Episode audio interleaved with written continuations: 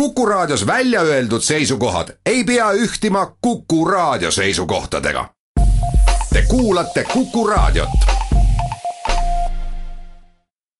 tere jälle, täna on neljapäev, viieteistkümnes detsember ja eetris tagasi vaade. minu nimi on Tõnis Erilait. tuhande üheksasaja kolmekümne üheksandal aastal, paar nädalat tagasi algas talvesõda, mis tegi lõpu kuulsusrikkale salapiiritusveole Soome lahel no Eesti ajalehte tsiteerides viimaste piirituse mohikaanlaste lõpp oli pealkiri. Soome väljaanded aga kirjutasid, kuidas piirituse vedaja Algot Niska oli Ahvenamaa vabaduse sümboliks. praegune aeg tõotas head teenistust, kuid Vene-Soome konflikt tõmbas arvestustest kriipsu läbi, kirjutasid Eesti lehed millal õieti oli piirituse veo algus, seda ei mäleta vanemadki salakaubitsejad igatahes juba Saksa okupatsiooni ajal hakati sellega pihta. ent iseseisvuse saabudes esinesid mõned mehed riigile pakkumisega müüdagu neile suurem hulk piiritust ja lubatagu see Naissaarele vedada, kus neile antagu edasimüügiõigus. sõlmitigi vastav leping, salakaubitsejate tegevus aga laienes järjekindlalt, piirituse laod asutati Kundasse, Aserisse ja Narva-Jõesuhu tuhande üheksasaja kahekümne seitsmendal ja kahekümne kaheksandal aastal hakati piiritust tooma kaugemalt Danzigist ja Tšehhoslovakkiast isegi ning piirituse laevad võtsid ankruplatse Soome lahel. ajaleht muidugi veidi eksis, sest salapiiritust veeti kaugelt varem, näiteks Torgu vallast on kirja pandud mälestus, see kõneleb esiteks sai toodud piiritust Kuramaalt tuhande kaheksasaja kaheksakümne kuuenda aasta ümber. seal läks piiritus kalliks siis vedasime seda Meemelist. kui tongid, nii nimetas rannarahvas piirivalvureid, olid eest ära, sai piiritus maale toodud ja seist polnud häda. inimesed viisid selle kohe ära pulmade tarvis, sest Kuressaares oli kallim vahetult enne talvesõda oli piirituse hind hakanud jälle kõikjal tõusma ja salakaubitsejad sättisidki end valmis, et kraami suuremal määral Soome ja Rootsi viia paljud isegi neist salakaubitsejast, kes olid pikkamööda oma tööst loobunud pärast seda, kui Soome piirituse laevade tabamise tõsiselt ette võttis, tahtsid juba vanasse ametisse tagasi tulla, aga no ja, sõda tuli vahele. mõned karmimad lood.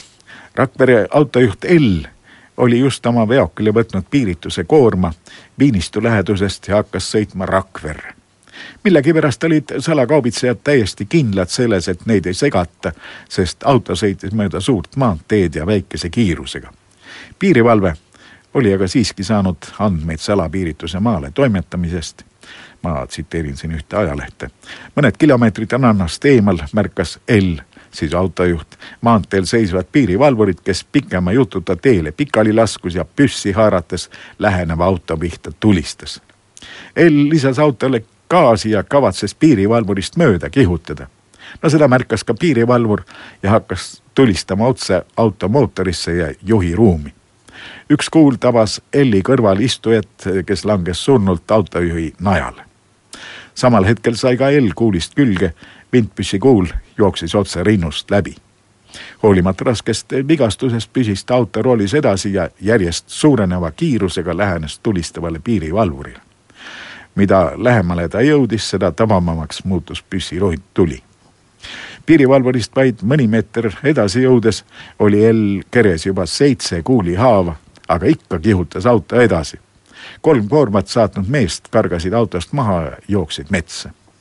nähes, et koorem ähvardab käest libiseda, tulistas piirivalvur uuesti ja juba kolmas kuul tabas Elli rindu kopsust purskas verd, käsi oli läbi lastud, aga autojuht hoidis hammastega roolist kinni ja sõitis muudkui edasi. lõpuks veel üks lask lõpetas ta vastupanu. veoauto kihutas kraavi kummuli. kõige haruldasem selle juures on see, et kuulidest sõelapõhjaks lastud L viidi haiglasse ja turgutati seal ellu tuhande üheksasaja kahekümne seitsmendal aastal aga tuli piirituse vedajate vastu lausa tankiga minna Neeruti mägedes oli sel aastal Kaitseliidu manöövreid peetud, millest ka soomusvägi osa võttis. rannas oli aga märgatud kahtlast sõiduautot, mida asus piirivalve jälitama, aga kuidagi kätte ei saanud. ameerikalik jaht läks esiti Rakvere suunas, siis keeras põgeneja Neeruti poole. piirivalvurid tulistasid põgenevad sõidukid kõigest jõust. manöövritel osalejad ei saanud algul aru, mis toimub, aga saatsid siis maanteel ette tanki ja soomusauto. Neist põgenejad muidugi mööda ei pääsenud. auto saadi küll kätte, aga salakaubavedajaid mitte.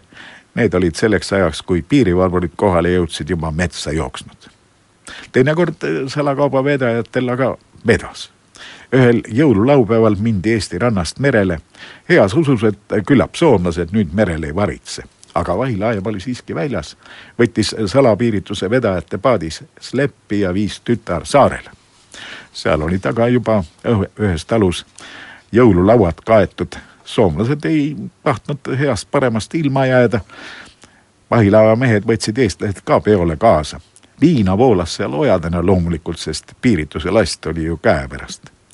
Lõpuks olid soomlased nii täis, et ei pannud tähelegi, kuidas eestlased üliriideid maha jättes riburada õue libisesid, oma paadi vahilaeva küljest lahti haakesid ja Eesti poole ajama panid. vahilaev olla püüdnud veel kätte saada neid, aga otsise nõela pimedal merel. kuid jah soomlased hankisid endale vahilaevu lisaks, tegelesid mitte ainult oma rannas, vaid kogu Soome lahes ja kolmekümnendate aastate teisel poolel hakkas piirituse vedu vähenema. üks mees ometi ei jätnud. see oli Viiburist pärit endine tippjalgpallur Algot Niska. tema võttis piirituse veo siis just suurelt ette kõva spordimehena sai ta hakkama uskumatute tegudega, tõi Eestist piirituse lasti Soome lausa sõidupaadiga teadaolevalt elaski ta vahepeal Eestis, aga sai hakkama ka Saksamaal ja Leedus, Rootsist rääkimata, oli keeleosav mees. kui on midagi põnevat teoksil, siis pean mina ka seal olema, on ta öelnud. Keiger oli ta ka, armastas alati kanda viimase malli järgi tehtud ülikondi oma laevastikku hankis ta lõpuks nii kiired paadid, et Soome vahilaevad näisid lausa seisvat, kui üritasid teda püüda tihti läks asi tulevahetuseni, kus isegi automaadid tarvitusele võeti. võimudele vastuhakkamise eest õnnestus teda paar korda siiski lühemaks ajaks vangi panna, aga nii Rootsist kui Soomes pääses ta vanglatest alati seetõttu, et härrasmees oli, pidas end alati hästi ülal ja lasti enne tähtaega lahti.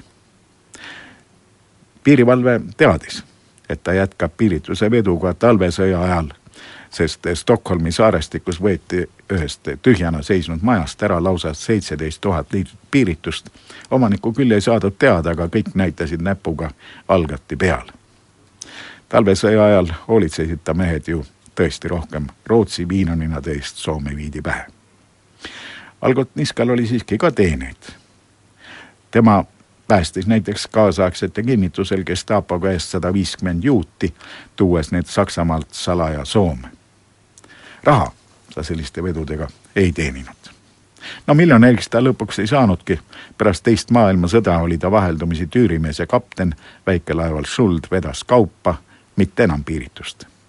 elas praeguses mõistes hosteli tillukeses toas, aga teinekord astus sisse populaarsesse restorani kämpi ja orkester mängis alati tema tervituseks siis populaarset madruse laulu. ainult meremees armastab laineid Algot Niska oli muide Soome ühe kuulsama poplaulja Danny kodaniku nimega Ilkka Lipsanen vanaisa.